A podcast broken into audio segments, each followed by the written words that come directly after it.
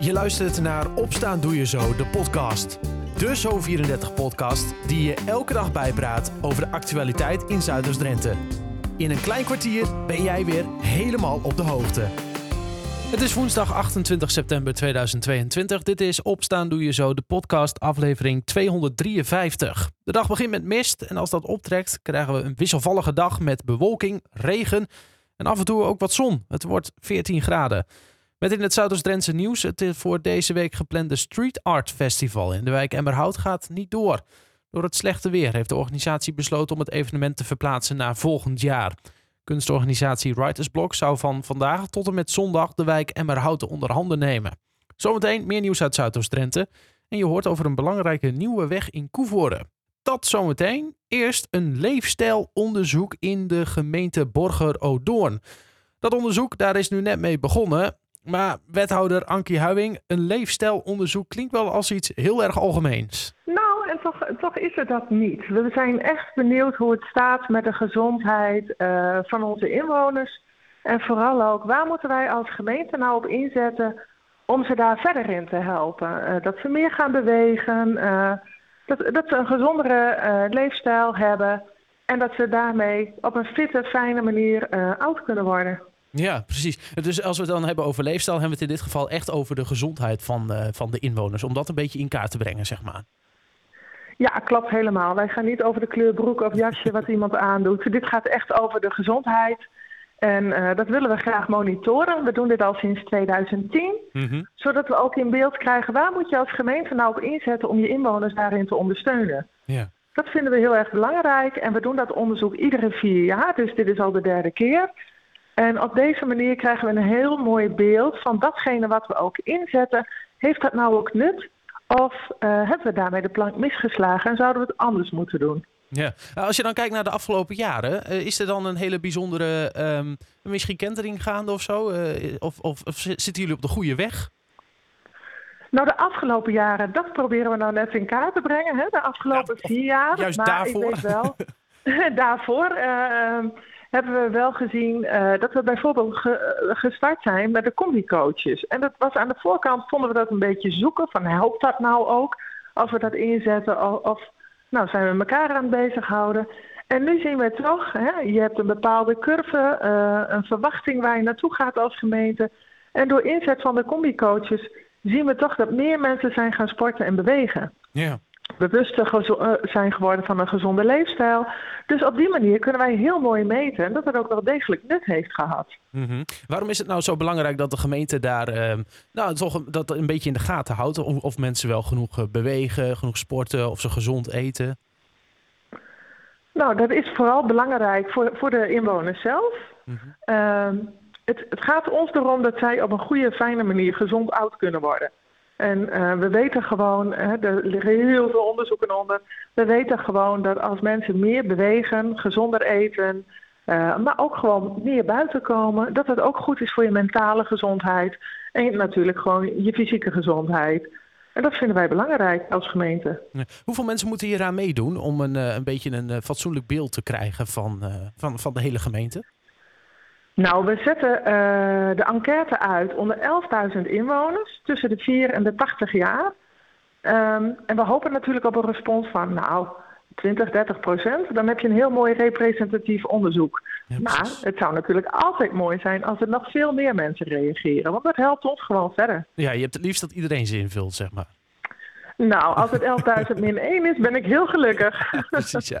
En wat voor vragen staan er dan al op zo'n lijst? Want het is een, een vragenlijst, uh, die is uh, digitaal. Um, de krijgt per post krijgt iedereen een uitnodiging om mee te doen, of die 11.000 mensen dan.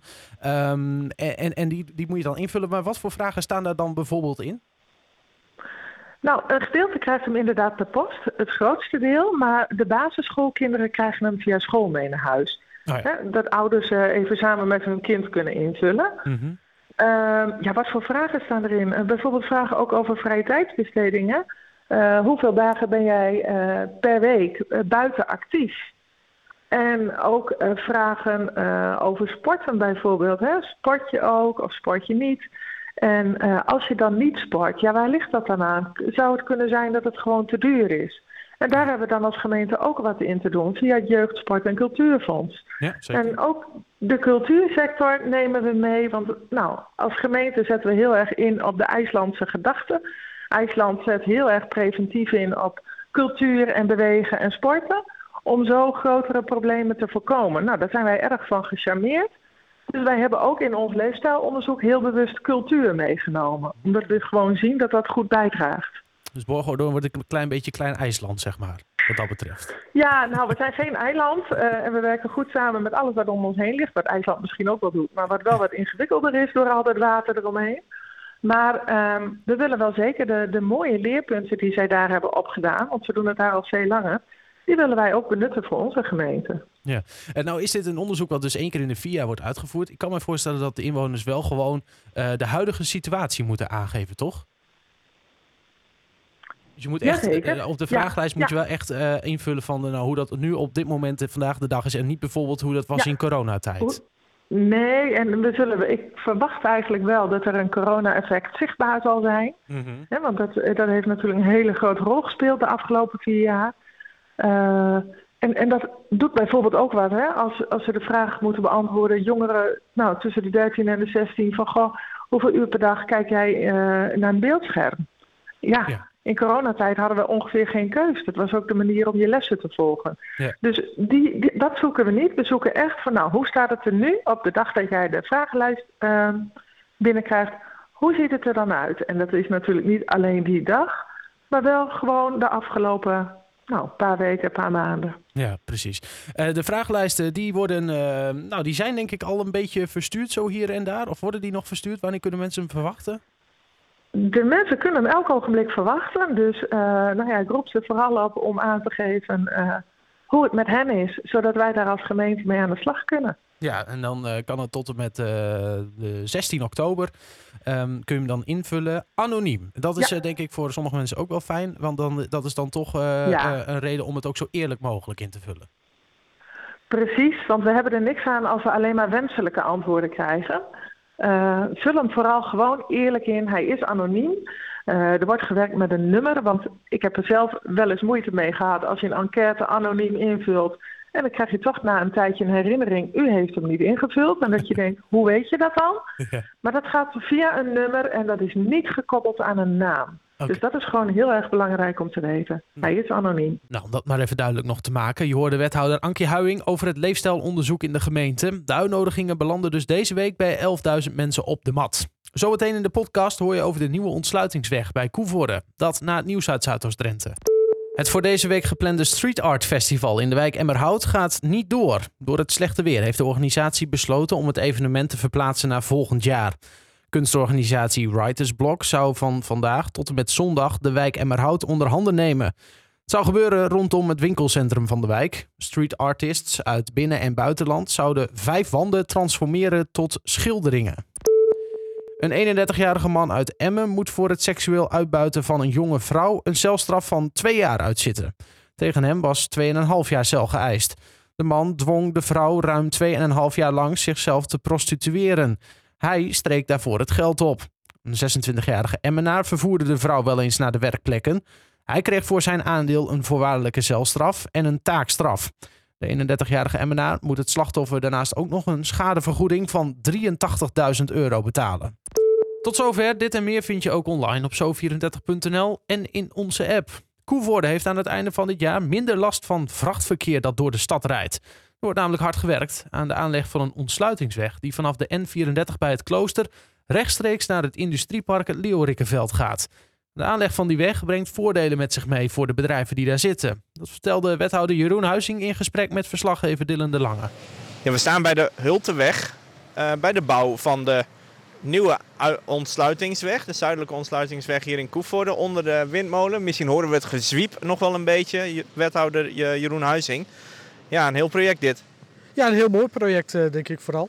Die uh, veel uh, positieve dingen moet opleveren voor inwoners van de stad en voor de bedrijven hier op het Leeuwerikkenveld. Ja, want wat gaat er precies gebeuren?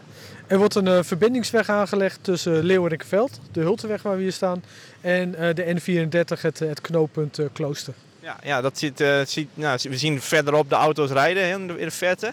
Eh, daar begint hij dan, dan kun je de afslag nemen en dan kun je rechtstreeks naar het industriegebied Leeuwardenveld hier. Klopt helemaal. Ja, wat voor voordelen levert dat op? Nou, het levert eh, voor de bedrijven als voordeel op dat ze een, veel kortere verbinding hebben naar de N34. Uh, dus uh, de afstand, nou, minder afstand is natuurlijk mooi meegenomen. En ook qua tijd scheelt het. En voor inwoners van de stad uh, scheelt het een, een, hoop vrachtverkeer. Wat nu niet meer door de stad hoeft te gaan rijden. Maar wat nu een, een rechtstreekse verbinding heeft met de N34. Hier zit een groot distributiecentrum, vrij nieuw. Die, die zullen hun vrachtwagens ook moeten af en aan laten rijden. Die gaan dan allemaal over deze ontsluitingsweg. Dat scheelt allemaal in de binnenstad, hoor ik u zeggen. Ja, dat scheelt enorm in de binnenstad. En uh, nou, dat is ook een van de redenen waarom het, het bedrijf Jarola heeft meegewerkt. Die, die... Ja, in de grondverkoop. ja, want zij, zij waren eigenaar van de grond. En wij hadden ook nog een, een deel van de grond, omdat er nog wat watergangen hier liepen. We hebben een, een ruil gedaan. En ja, het voordeel voor Jarola is dat zij nu een, een rechtstreekse aansluiting hebben op die N34. René Makkinga van Jarola, distributiecentrum hier in Koevoorde. Vrij nieuw. Te zien ook aan de vrachtwagens waar we nou bij staan, bij DOC. Ja, dat zijn een beetje de boosdoeners die, die door Koevoorde gaan rijden nu momenteel. Ja, dat klopt. Ja, boosdoeners weet ik niet. Maar... Ah, verkeersdrukte, ja. Ja, het is voor ons noodzakelijk. Um, natuurlijk hebben we als DC een aanvoer nodig. En dat is gemiddeld ongeveer 50 auto's per dag. die deze kant op komen. Die nu helemaal naar de achterkant van de industrieterrein moeten rijden. Ja, want dat, wat dat betreft is de ligging misschien niet ideaal op dit moment. Nee, dat klopt. Maar het is wel een strategische keurs geweest aan de voorkant.